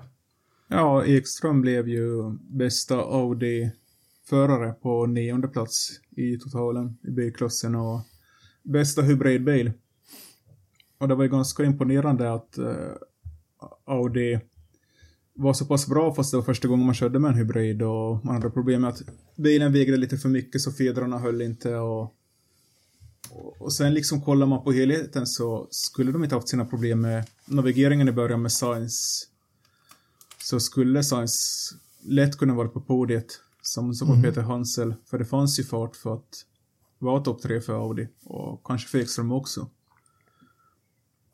Men eh, ja, Nasser vann ganska bekvämt för, för Löb i bilklassen. Och sen om vi tar de andra svenskarna så blev Sebastian Eriksson andra plats i de här T3-klassen som det kallas. De här lite buggy-liknande bilarna. Mm. Och bästa rookie där också. Så det är ju kul att Sebastian Eriksson, som tidigare kört mest rally och inte så mycket rally-raid. Det är ju en skillnad att köra sådana här långa specialsträckor på 300-400 kilometer än en liten rallysträcka ändå. Mm. Och sen eh, vad heter hon? Annette Fischer och Annie Lööf så kom 15 i samma klass som Sebastian Eriksson. Och de var bästa kvinnliga team i Dakar. Ja, roligt. Så, ja. Framgångsrikt rally för svensk del får man väl säga då. Ja, inte var det inte illa i alla fall. Nej, ingen katastrof. Nej. Eh, vi hade lite mer svenska framgångar i 24 timmars från Dubai. Vi hade, Ja, lite, vi hade lite förhoppningar där också att vi skulle få lite intervjuer, men jag vet inte, verkar inte riktigt ha... Den, den lyckan verkar bli sådär, men vi hade ju en, en före-intervju eh, med din, din kollega där. Eh, Ja, min kompis. Hur, gick det, hur gick det för honom? Ja, han, eh, de fick ju problem med kopplingen redan direkt i start så de hade ju bilen inne i depån en timme och försöka fixa det och de kom ut sen och lyckades komma femma totalt efter att jagat ifatt och kommit förbi några andra. Så Ja, ändå stark placering fast man bara körde 23 timmar av 24. ja men precis. Ja, det var ju bra jobbat. Och sen så hade vi ju i, i Porsche amatörklassen hade vi en svensk seger med eh, fyra före Skog, Skog, Persson och Bergström. Som Mm. kom först i sin klass. Det var ju kul Ja, faktiskt. grattis. Plus Joel Eriksson så gick det väl sådär för han kom åttonde i högsta klassen GT3 Pro. Jag har inte sett några riktiga kommentarer vad som hände för honom men eh, ja. Får invänta och se om vi får lite snack med honom. Det ska vara kul att se höra lite mer från honom vad hans planer är nu. Om, Ja, För det är inte kommit ut någon info alls om vad han tänker göra i år nej, vi får väl se. Det ska ju höra lite... Det, det var ju någon som vi hade ganska höga förhoppningar på eh, för, för ett par år sedan. Eh, sådär och eh, han har lite grann hamnat utanför radarn. Eh, åtminstone väldigt mycket för mig de senaste två åren i alla fall. Men kan han inte gå till USA som alla andra svenskar och få lite husky-spons och ja, Eller hur? Den. Det, jo, varför inte? Jag tycker att det, det känns ju som det svenska, den svenska vägen. Vi kör, vi kör lite chokladmjölk och så, så drar vi till Florida och, och, och, och kränger det där. Varm choklad i Florida, det funkar skitbra. Så att, varför Ja. inte? Jag tycker det skulle han kunna göra. Han kan köra formelbil i alla fall, det visar han. Han var ju snabb bra. Så att. Ja. ja. Det var väl hans management som gick kanske lite fel där. De inte gick till F2 och testade att ta chansen. Utan man fick fullt förtroende för BMW och vem tackade nej till en betalställning hos BMW. Men eh, sen så ville BMW att man ska köra elbilar. Som många andra. Så, Eller hur? ja. Ja, men jag kommer ihåg det när det beslutet, det var ju tidigt i Forsa-poddens karriär. Det var väl lite chockerande det valet han gjorde då. Men jag kommer ihåg hur vi resonerade då. Det är en, en bra månadsinkomst varje månad. Ja, ja. det var ju det som man valde, säkerhet. Mm. Det gick ju sådär, Ja. kanske man kan säga. Ja.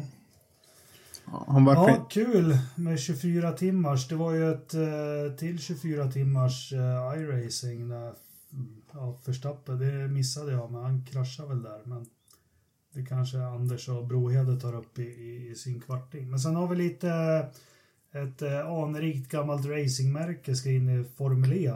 Och där är inte jag någon specialist. Det är Maserati som, som gör lite grann av en eh, toppliga comeback med, med att eh, köra Formel E.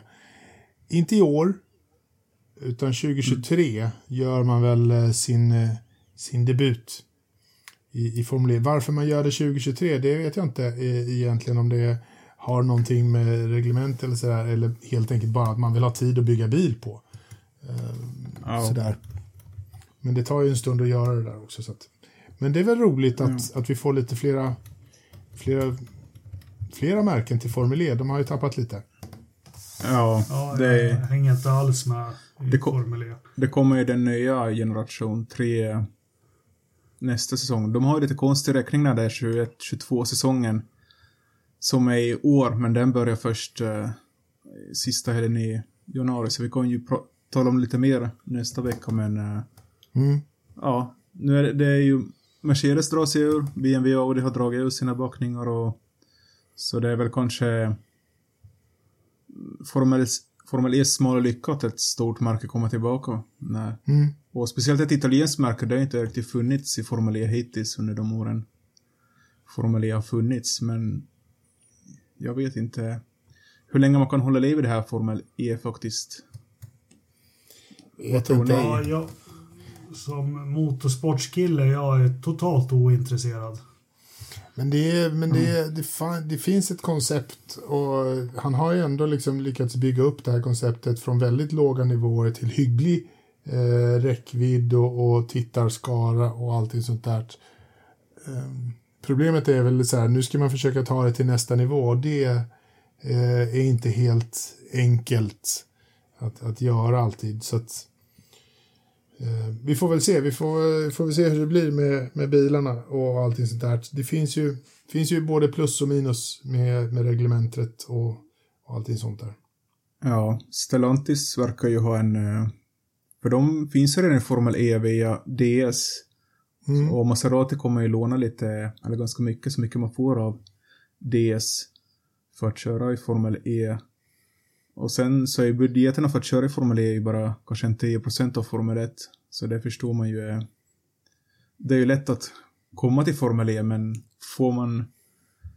Ja, man vill ju vinna också för att få ut de där pengarna. Det är svårt att... Det är inte så bra för märket om man ligger och harvar på 15-20 plats i Formel E heller.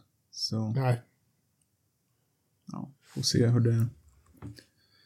vi får väl Ja. se. Jag följer där- med så här. Jag kollar inte loppen, men jag följer med ändå liksom vem som vinner och vilka förare och märken som är där. För det... De är ändå en viktig det finns ju någonting där då de får dit stora namn som inte ryms i Formel 1 så är så känns det som att det är en liten liten zon där man ställer gamla F1-förare och sådana som inte lyckas komma från F2 upp till F1. För att det, det finns... Fanns, det fanns ju, det blev ju lite grann så ett, ett tag när, när gamla F1-förare hoppade av och, och började köra massa till exempel. Eh, skulle köra Formel E och, och sånt där. Och Nick Heidfeld var där och, och höll på. Så att det, det var ju så en, en det var lätt att, att ge den stämpeln så att säga. Ja den gamla pensionärshögen. Vi kan slänga lite gammalt folk som vi, som vi har utnyttjat eh, och, och gjort, gjort sitt med så kan de få, få lite pension och, och köra lite bil där på gatorna i Berlin. Varsågoda. Ha så ja. roligt. Hej hej. Ja. Ja, lite så. Ja. Men, ja, men, jag, jag har inte så stort problem med Formel E. Jag hoppas att de överlever och, och hittar, hittar nästa steg. De behöver fixa till lite saker, men ändå. Det kan, jag tror ja. att det är skoj att titta på när man eh, sitter på, i stan. Ja. Ja, har vi något rally att snacka om då? Vi har ju lite lyssnare som...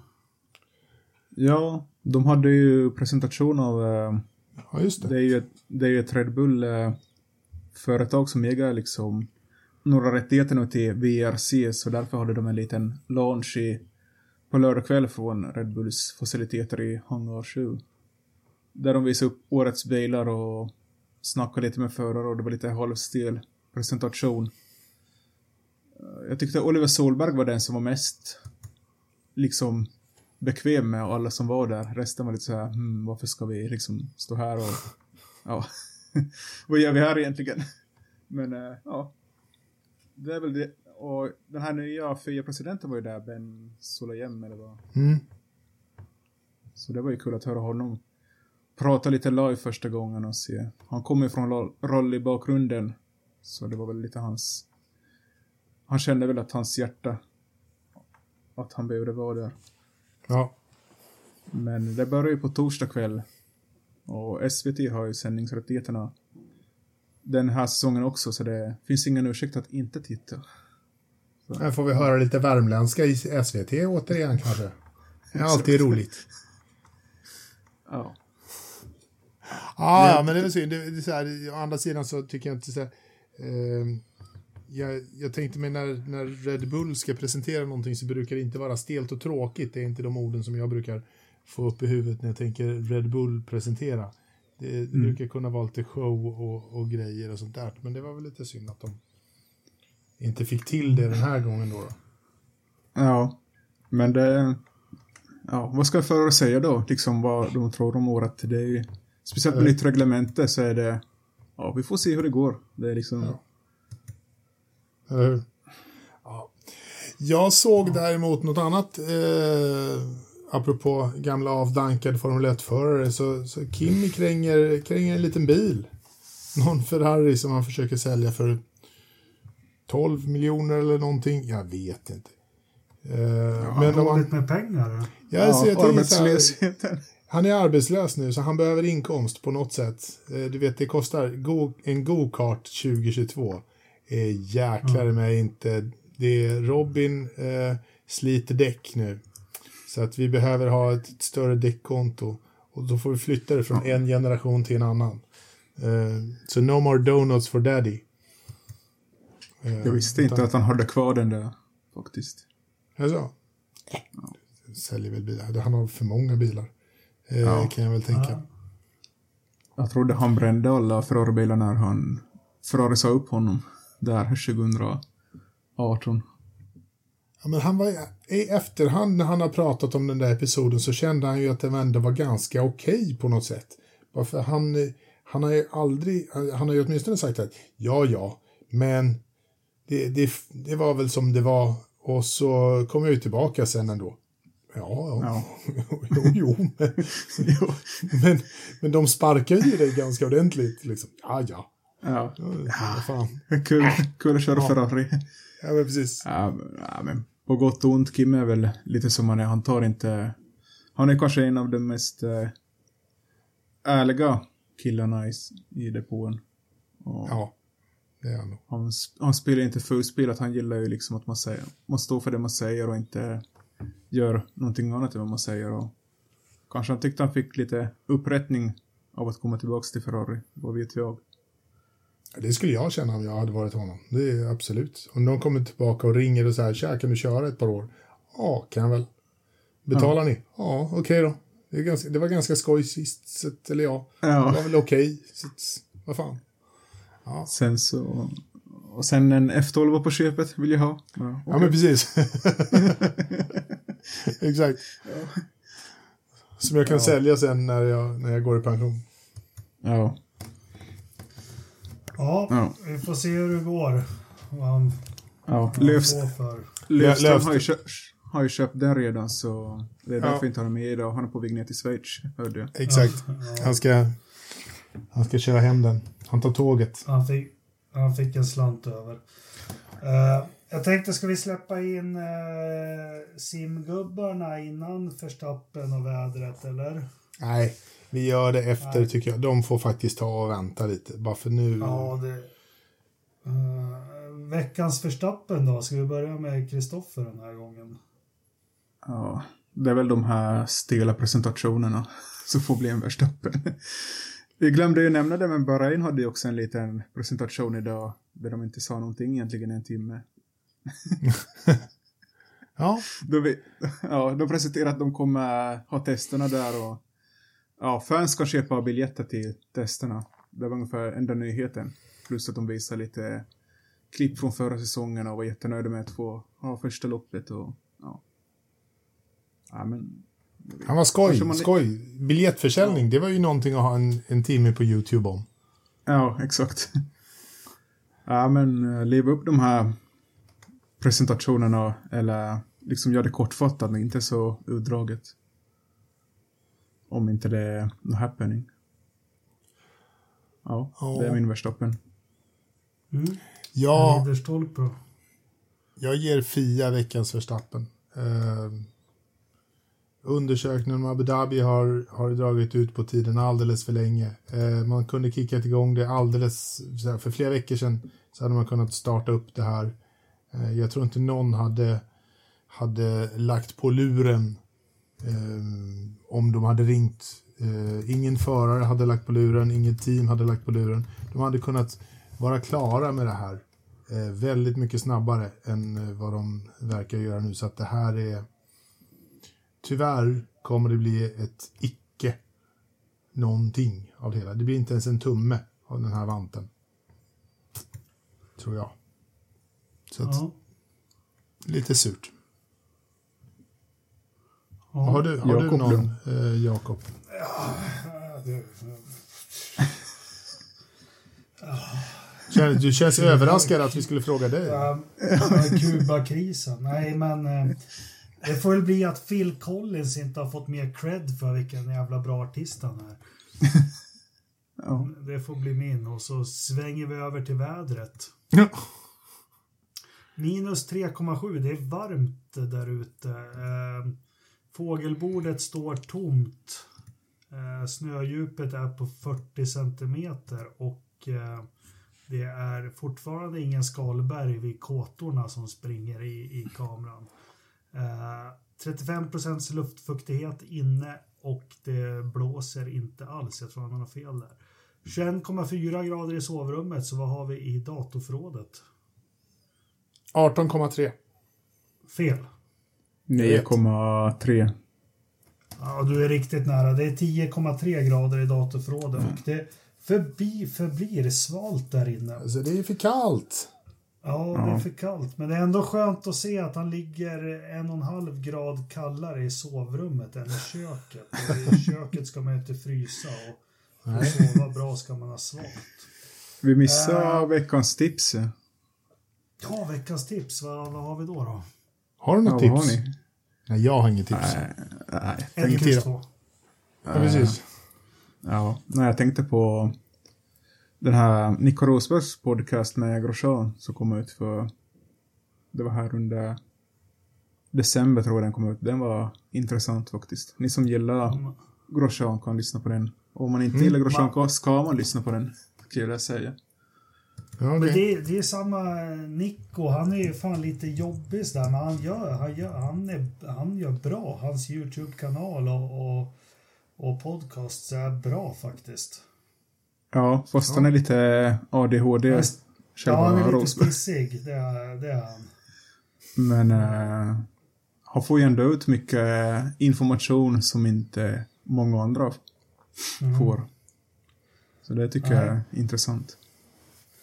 Vi tar det tipset med oss och så får vi se vad firma Lövström och Brohede har att, att förtälja och ja, och önskar alla lyssnare en trevlig vecka så hörs vi om en vecka igen. Jajamän, det gör vi. Ha det så gott. Ha det så gott! Ha det bra. Hej då! Hej. Hej. Ja, men välkommen till lite sim-racing-snack eller eh, kanske mest iRacing. Eller idag, eh, fortsättning på vårt tekniksnack som vi började med i förra avsnittet lite grann. Välkommen Joakim JBS Broede. Tack så mycket. Du har spenderat veckan med att kolla in rattar. Så kan man ju se det, ja precis. Man, det, ja, det gör man ju alltid. Man, man har ju alltid ett visst intresse för rattar, ju. Ja, Ja. inte vilka rattar som helst utan de som med tillhörande pedaler. Ja, naturligtvis. Eh, I första hand eh, force feedback-rattar ja, naturligtvis. Härligt. Ha, vad, har- vad har du spanat på?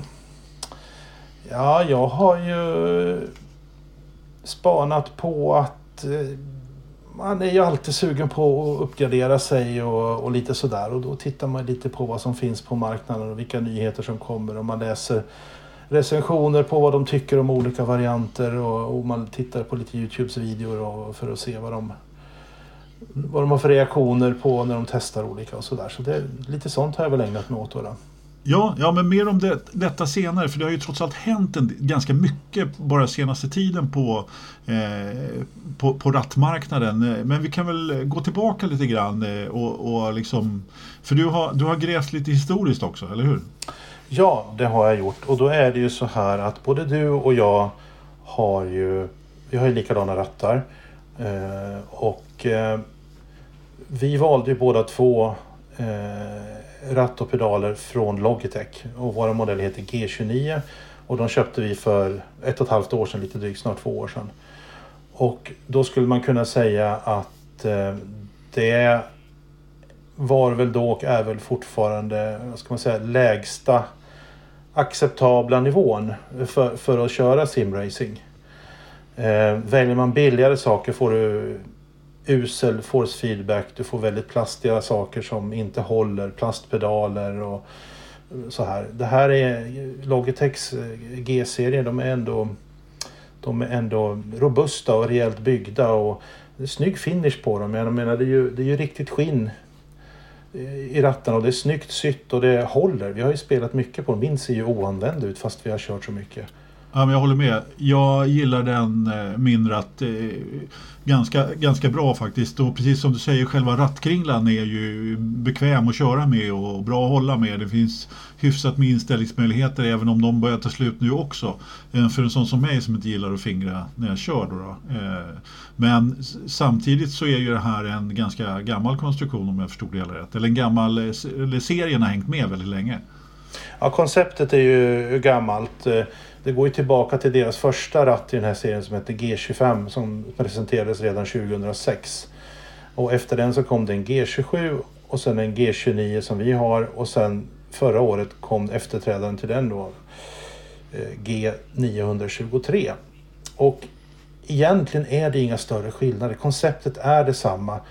På 25an och 27an så följer det med växelspak. En plastig sak som man kan skruva fast på, på skrivbordet bredvid ratten. Eh, vill jag minnas. I alla fall 27an var separat vill jag minnas. Och där man med ett vred kan välja om man ska ha H-mönster eller köra den sekventiellt. Eh, 29an här, G29, då hade de fimpat det och då fick man köpa en separat enhet istället. Och det har jag inte gjort. Utan jag använder växelpaddarna på ratten. Och växelpaddarna är i, i aluminium. Och eh, det är ett distinkt klick. Eh, och det ger bra kvalitetskänsla. Och man läser och hör ofta människor att när de har uppgraderat att ja, jag har äntligen uppgraderat min gamla G27 som jag haft i tio år. Så att det verkar som att de är väldigt långlivade de här. Ja, alltså vi har ju kört en rätt, rätt mycket med våra och jag måste säga det att jag känner inte att den har blivit gammal, långt ifrån. Och alltså just växelpaddlarna är definitivt inte problemet. Inte ratt, eh, liksom det övriga heller i ratten utan det är andra saker som jag då har börjat störa mig på ju bättre jag blir. Nu är ju kanske inlärningskurvan för en gammal gubbe inte jättebrant men trots allt så mycket vill ha mer och eh, det, en, det som jag har stört mig egentligen på från början med ratten som jag ju sen har läst mig till att det är väldigt svårt att komma bort det är ju den här lilla eh, vad ska man säga, mellanrummet i topp, på toppen då när man inte har någon, eh, alltså det är ett glapp mm. eh, i toppen då och det är väldigt svårt att komma bort. Nu har ju både du och jag kört lite externa force feedback-program till våra rattar som har fått den ändå blivit ganska bra ändå. Eh, men force feedbacken är inte riktigt min sådär Eh, vad ska jag säga? Jag klarar mig utan den vassaste force feedbacken utan men jag vill väldigt gärna ha en bättre känsla i ratten på toppen så att säga, vilket inte är G29. Så det är därför jag har börjat fundera på eventuellt uppgradera. Då. Och det där är ju svagheten med det här systemet för bland de rattar som är tillräckligt vettiga för att eh, användas till simracing så är vad jag vet det här den enda som har en kuggväxel emellan motorerna och, och rattaxeln. Och det är två stycken små motorer, en på varje sida, som då via kugghjul driver rattaxeln. Och I en kuggväxel har du alltid ett glapp. Mm. Och det glappet känns. Uh, och det känns uh, framförallt när man försöker köra rakt fram. Uh, på en raka, för det är då det liksom slamrar och slår i ratten och det är som ett glapp. Och sen är det lite så att de, den är lite i klenaste laget och eh, hastighet. Man har då valt en utväxling som gör att det ändå ska bli lite styrka i motstånd i själva rattkringlan. Men då blir den istället lite långsam. Så att mm. den reagerar inte så snabbt på förändringar och det maximala vridmomentet är lite i lägsta laget. Så att man känner egentligen inte jättemycket av vad underlaget har för sig. Vad jag har förstått jämfört med mer påkostade grejer så är den stora skillnaden att, att eh, de här Logitech-rattarna eh, de slamrar och slår, de knackar. Man känner att det, är knappt ens man märker när man kör över curbs med den för att det rycker inte särskilt mycket i ratten utan det är lite vid fjädringsutslag. Och, men jämför man med en riktigt bra ratt så kan man ju till och med, säger de, känna eh, skillnader i vibrationerna i rattkringlan beroende när du kör mm. över en, en fläck på asfalten som är lite grövre än den andra asfalten. Mm. För de, är, de är mycket bättre på detaljer. Men då pratar vi helt andra pengar. Och det här är en väldigt bra instegsmodell. Ja, och precis. Och, och, men om man ska gå upp ett snäpp då. Tidigare så har ju egentligen steget upp varit väldigt, väldigt högt. Eh, men det är framförallt om man då vill börja med kanske lite proffs eh, proffsgrejer. Men, ja, men steget upp till en riktig, inom citationstecken då, ratt har varit en direktdriven då. Eh, eller remdriven kanske de är förresten. Har varit väldigt högt. Eh, men, men nu har då Fanatec kommit med en, eh, en mellanmodell, eller hur? Ja, men om vi ska ta det i lite ordning här så om jag får byta eh, inriktning här så, så kuggväxel är den enklaste. Sen har det, precis som du var inne på, under lång tid varit så att vill du uppgradera dig från det då är det remdrivet som gäller. Då är det en kuggrem istället och då får du ofta starkare motorer. Thrustmaster är ju stora på det. De har ju haft många och har många modeller i olika, med olika starka ratt, eh, vad heter det, motorer till rattarna och så här som passar alla. Och många har faktiskt uppgraderat ifrån G29 upp till Thrustmaster T300 som är en remdriven variant. Och den är lite starkare, lite snabbare i, i force feedbacken och har lite bättre känsla. Eh, däremot har den sämre pedaler för till, till G29 fördel är faktiskt pedalstället är faktiskt riktigt bra. Eh, för, för att vara en instegsmodell. Ehm, men, det var, men, ja. ja, men det var lite det jag var inne på därför att eh, just det här steget till Trustmaster Ja men det är på något sätt ett litet steg i sidan. Ja, på ett sätt till, till T300 kan det vara ett litet steg i sidan. Men du har en stor sak som, som tilltalar många och det är att på T300 och de dyrare Thrustmaster-modellerna kan du byta ratt.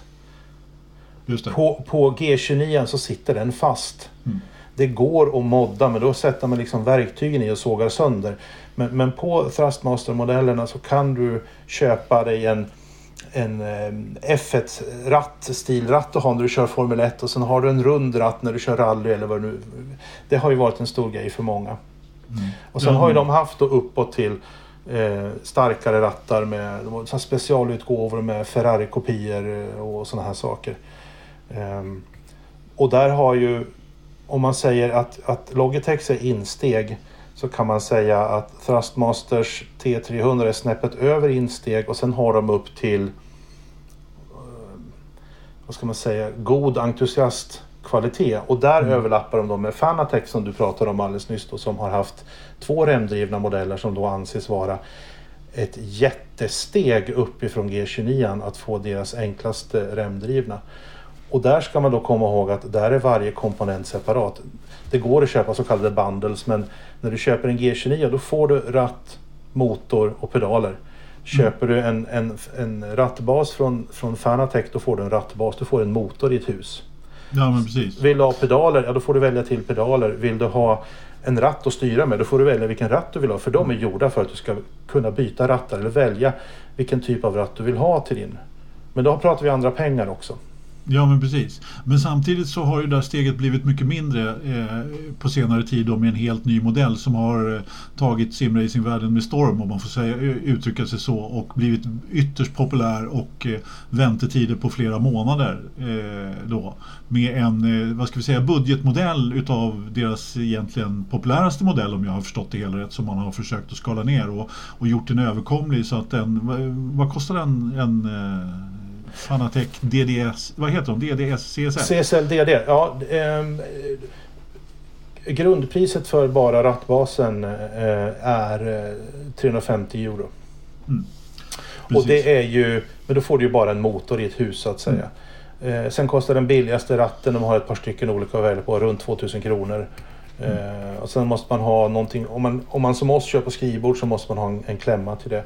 Ja. Men de har ju alltså, i och med att de inför den, för den här kostar lika mycket som deras två, för den här finns det två utföranden då, en, en 5 Nm och en 8 Nm variant. Och de prismässigt då ligger precis lika som deras gamla eh, remdrivna modeller gjorde. Och det de precis. har gjort det är att de har slagit undan benen för alla andra. För att tidigare har vi kanske ska förklara konceptet direktdriven. Och, och det är ju att du har en elmotor, du har en axel ut från elmotorn. Den axeln är också rattaxel. Det finns inga växlar, inga kuggremmar, inga kugghjul, ingenting. Utan ratten sitter fast på motoraxeln så att säga. Det är direct drive som det heter på finsvenska då. Det är som eh, gamla LP, vad heter det, skivspelarna. Det är samma sak där. ja, jag har aldrig haft någon direct drive på det sättet. Men okej, okay. jag har gummirem till min. Ja, remdrivet som det var tidigare. Exakt. Ja, du tänker så. Ja, ja, ja. ja så, mm, det är samma teknik lite grann. Ja, jag har haft en gammal skivspelare som har varit mer eller mindre direkt också. Fast den har haft ja. växlar. Men det har varit ja. hjul som har varit ja, de här växlarna. Men det har inte varit rem. Men för att återgå till det här då. Direkt rattbaser med sån direct drive teknik har tidigare kostat från cirka 10 000 kronor och uppåt. Ja. Ska du ha en av Fanatec's, eh, den som heter DD1 i deras podiumserie, eh, som, eh, då, då, kostar den runt 12 000 kronor för bara mm. själva lådan med motorn i och rattaxeln ut. Mm. Eh, och eh, ännu mer om du ska ha deras ännu starkare variant. Och det här, de här är så pass starka, de kan ge mellan 15 och 30 Newtonmeter i vridmoment. Du kan liksom, det finns nödstopp att köpa till därför om den där får frispel och börjar slå fram och tillbaka så kan du inte ta tag i den för den kan slå av dig händerna eller du bryter ben i fingrarna och händerna om du försöker ta tag i den. Eh, och de har ju varit för entusiaster och halvproffs och de som tävlar och som vill ha maximal känsla. Och mm. Inte nödvändigtvis kanske för att köra snabbare utan mer för att få realismen. För att den mm. orkar liksom eh, både vara stark men också väldigt snabb och ge, ge liksom ändringar mm. i underlaget känns bättre, snabbare och sådär. Ja, men jag pratade med en kollega som hade uppgraderat då och eh, han säger ju att man blir ju kanske, hans insikt var väl så här att eh, just från G29 då och han säger ju att Ja, men det kanske inte, man kanske inte blir så mycket snabbare men kon, man blir så oerhört mycket mer konsekvent i det man gör. Och eh, det, det är också ett sätt att, att, bli snabbare över, över tid så att säga. Eh, men eh, Fanatec, alltså nu, nu är jag lite ute på hal is men de är väl i stort sett kungar och eh, har den här marknaden för sig själva om jag har förstått det hela rätt. Finns det någon konkurrent egentligen?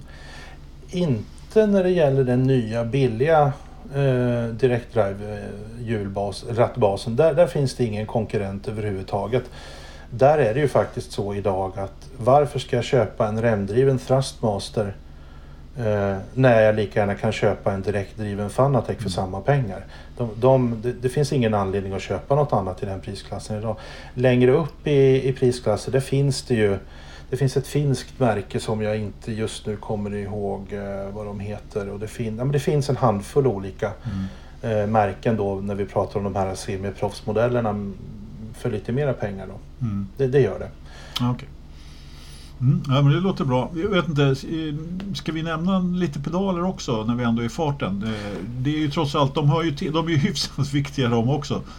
Ja, och, och det, precis, det måste vi komma in på också. För både du och jag har ju faktiskt uppgraderat våra. Vi, har, vi kör ju inte med våra G29-pedaler längre. Vi kör ju med, med Thrustmaster-pedaler. Och, eh, det, det, funkar ju så. De, de, de enklare pedalerna har ju eh, potentiometrar i sig som känner av läget på dem och, och varierar spänningen utifrån det. Och det är ju, det är ju så att säga kontakter, det slits ju. Det släpar mm. ju mot varandra. Eh, lite mer påkostade pedaler har eh, sådana här håleffektsensorer istället som mäter magnetfält vilket gör att de är kontaktfria och då i teorin ska kunna hålla mycket, mycket längre och i, i viss del ge bättre precision. Jag vet att, jag har läst att de billigaste Fanatec pedalerna har tidigare haft eh, eh, eh nu tappar jag ordet. Jaha. Uh, Vad hade de? De hade inte hall-effekt-sensorer utan de hade det andra som jag sa nyss som jag inte plötsligt förlorade. Ja, att de var, hade kontakt med varandra. Ja. Precis, att de och där, där har man haft problem med att folk har varit missnöjda med att de har fått skicka efter nya sådana där potentiometrar heter det. Och byta okay. dem med jämna mellanrum för att de håller inte. Nej, okay. eh, och Sen den stora vitsen med att byta för, för oss har ju varit att bromspedalen har eh, sån här eh, vågsensor. Eh, ja. Vad fan det nu heter då. Load sensor på engelska, men vad heter det på svenska? Load cell. Load cell ja, men, men vad, finns det någon svensk term för det? Det är tveksamt. Ja, men det är samma typ av, av sensor som sitter i en, i en badrumsvåg eller en hushållsvåg som mäter trycket när man trycker.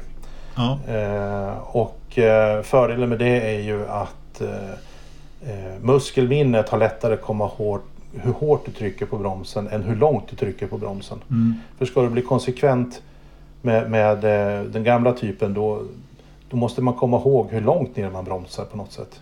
Ja, just det. Precis. Precis. Det var som, eh, som jag gjorde när jag hade skadat knät och eh, använde kopplingspedalen som bromspedal. Mm. Det var inte lätt alltså. Nej. Även om, eftersom jag behövde ha kunde inte liksom belasta mitt vänsterben då, då, så var jag tvungen att hitta på något annat. För sluta köra bil eller simracing kunde jag inte göra utan då fick jag ju göra det. Men det, var, det, tog, det tog lång tid att vänja sig och det blev aldrig riktigt bra faktiskt, det måste jag säga. Och eh, sen efter mycket om, du uppgraderade ju dina pedaler ganska snabbt där. Mm. Eh, och eh, jag var väl tveksam för jag tyckte ändå det funkade, de funkade ändå rätt bra mina eh, Logitech-pedaler. Eh, men till slut så föll jag till föga och jag måste säga det att inbromsningarna har blivit bättre, helt klart. För det är egentligen det det handlar om. Det är mittenpedalen vi snackar om. Det är mm, där, det, är, det, det är där det är skillnad. Oh, ja. Och jag upplever ju samma sak att eh, man är mer... mer eh, det, det, blir bättre repeterbarhet. Man, man gör färre misstag. Det, men det är precis som du, med det du nämnde nyss när du pratade med det, om, om, om direktdrive-ratten här. Att eh, man kanske inte blir snabbare nödvändigtvis över ett varv. Nej. Men, men i och med att man gör färre misstag så, så blir du snabbare över ett lopp. Ja, precis. Och konsekvent. Liksom. Men inte med några jättemängder. Alltså, Logitech-pedalerna är inte dåliga på något sätt. Det är ju gummi element i som, som gör motstånd och, och sådär. Det går väldigt bra att köra, särskilt mm. i början när man vill testa sig fram och sådär. Så. Ja, alltså fördelen med de här Trustmaster måste jag säga det är att man kan, kan ju modifiera dem ganska ordentligt vad det gäller pedalvinklar och det kommer med en massa klossar och eh, fjädrar och prylar så att du kan ställa dem på ett helt annat sätt både Eh, både manuellt så att säga och även i ett program då eh, som, som man kan ladda ner och eh, få till mer spel och lite sådana här grejer. Det, så inställningsmöjligheterna ökade ju liksom mångfalt där. Ja precis. Och är man intresserad av det så är det en fördel. Tycker man sånt bara är besvärligt då, då, då är det inget mervärde i sig naturligtvis.